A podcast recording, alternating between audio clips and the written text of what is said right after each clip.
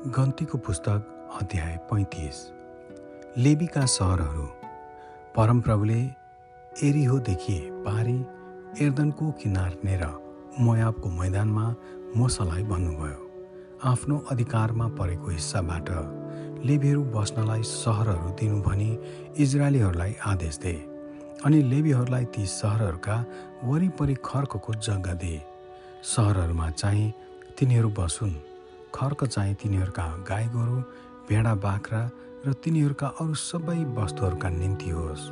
सहरहरूका जुन जुन खर्क तिमीहरू लेबीहरूलाई दिन्छौ ती सहरका पर्खालदेखि एक हजार हात बाहिरपट्टिका वरिपरि हुन्। तिमीहरूले सहरको बाहिरपट्टि पूर्वतिर दुई हजार हात दक्षिणपट्टि दुई हजार हात पश्चिमपट्टि र उत्तरपट्टि दुई दुई हजार हात सहर चाहिँ बिचमा पर्ने गरी नाप्नु। तिनीहरूका सहरको खर्क यही हो। शरण नगरहरू। तिमीहरूले लेबीहरूलाई दिएका सहरहरूबाट छवटा चाहिँ शरण नगरहरू हुनेछन्। ज्यानमा र त्यहाँ भागेर बस्न सक्छ।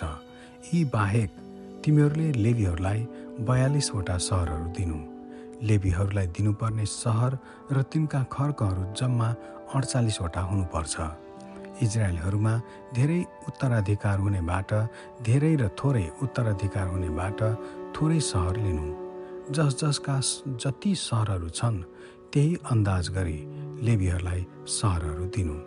फेरि परमप्रभुले मोसालाई भन्नुभयो इजरायलीहरूलाई भन् तिमीहरू एर्द नदी तरेर कनान देशमा पुगेपछि त्यहाँ शरण नगरहरू छानेर नियुक्त गर्नु र अजानमा कसैले मान्छे मार्यो भने ज्यानमारा त्यहाँ भागोस्।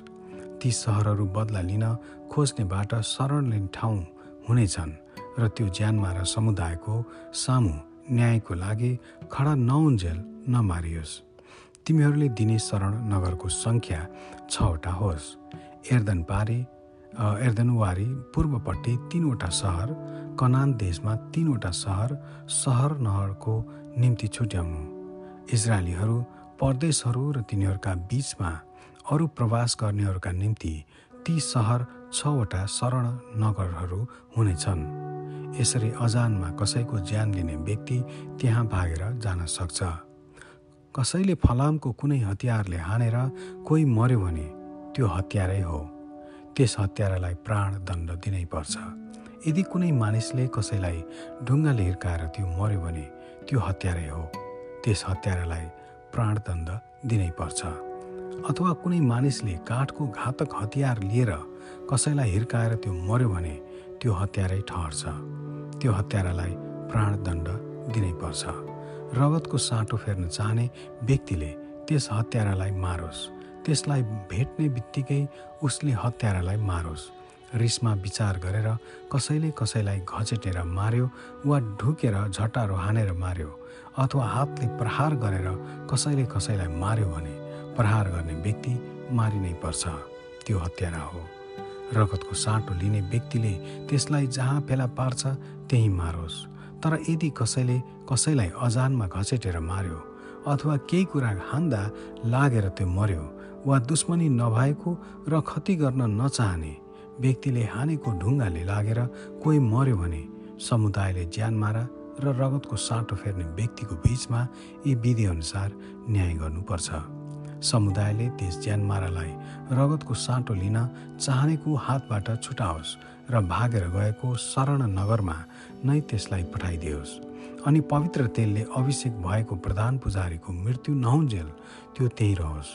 तर त्यो ज्यानमारा कुनै बेला आफू भागेर गएको शरण नगरदेखि बाहिर गयो र रगतको साँटो फेर्न चाहनेले त्यसलाई यसरी बाहिर फेला पारेर ज्यानमारालाई मार्यो भने त्यो रगतको दोषी हुने छैन।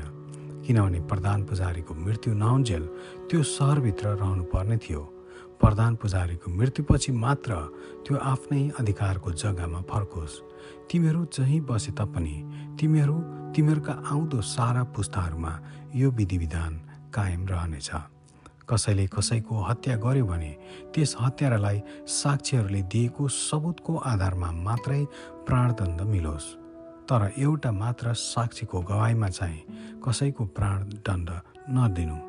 प्राणदण्ड पाउने योग्यको हतियारालाई बचाउन तिमीहरूले छुटकाराको मोल नलिनु। त्यसलाई प्राणदण्ड दिनै पर्छ। शरण नगरमा भागेर गएको व्यक्तिबाट तिमीहरूले छुटकाराको मोल नलिनु। र प्रधान पुजारी नमरुन्जेल त्यो आफ्नो जग्गामा फर्किन नपाओस्। तिमीहरूले आफू बसेका ठाउँहरू अशुद्ध नपार्नु किनकि रगतले देश अशुद्ध पार्छ र रक्तपात गर्नेको रगतले बाहेक अरू कुनै रगतले पनि त्यहाँ रगत बगाएको देशको निम्ति प्रायश्चित गर्न सकिँदैन। आफू बसेको देश तिमीहरूले अशुद्ध नपार्नु जहाँ म पनि बास गर्छु किनकि म परमप्रभु इजरायलीहरूका बिचमा बास गर्छु। Amen.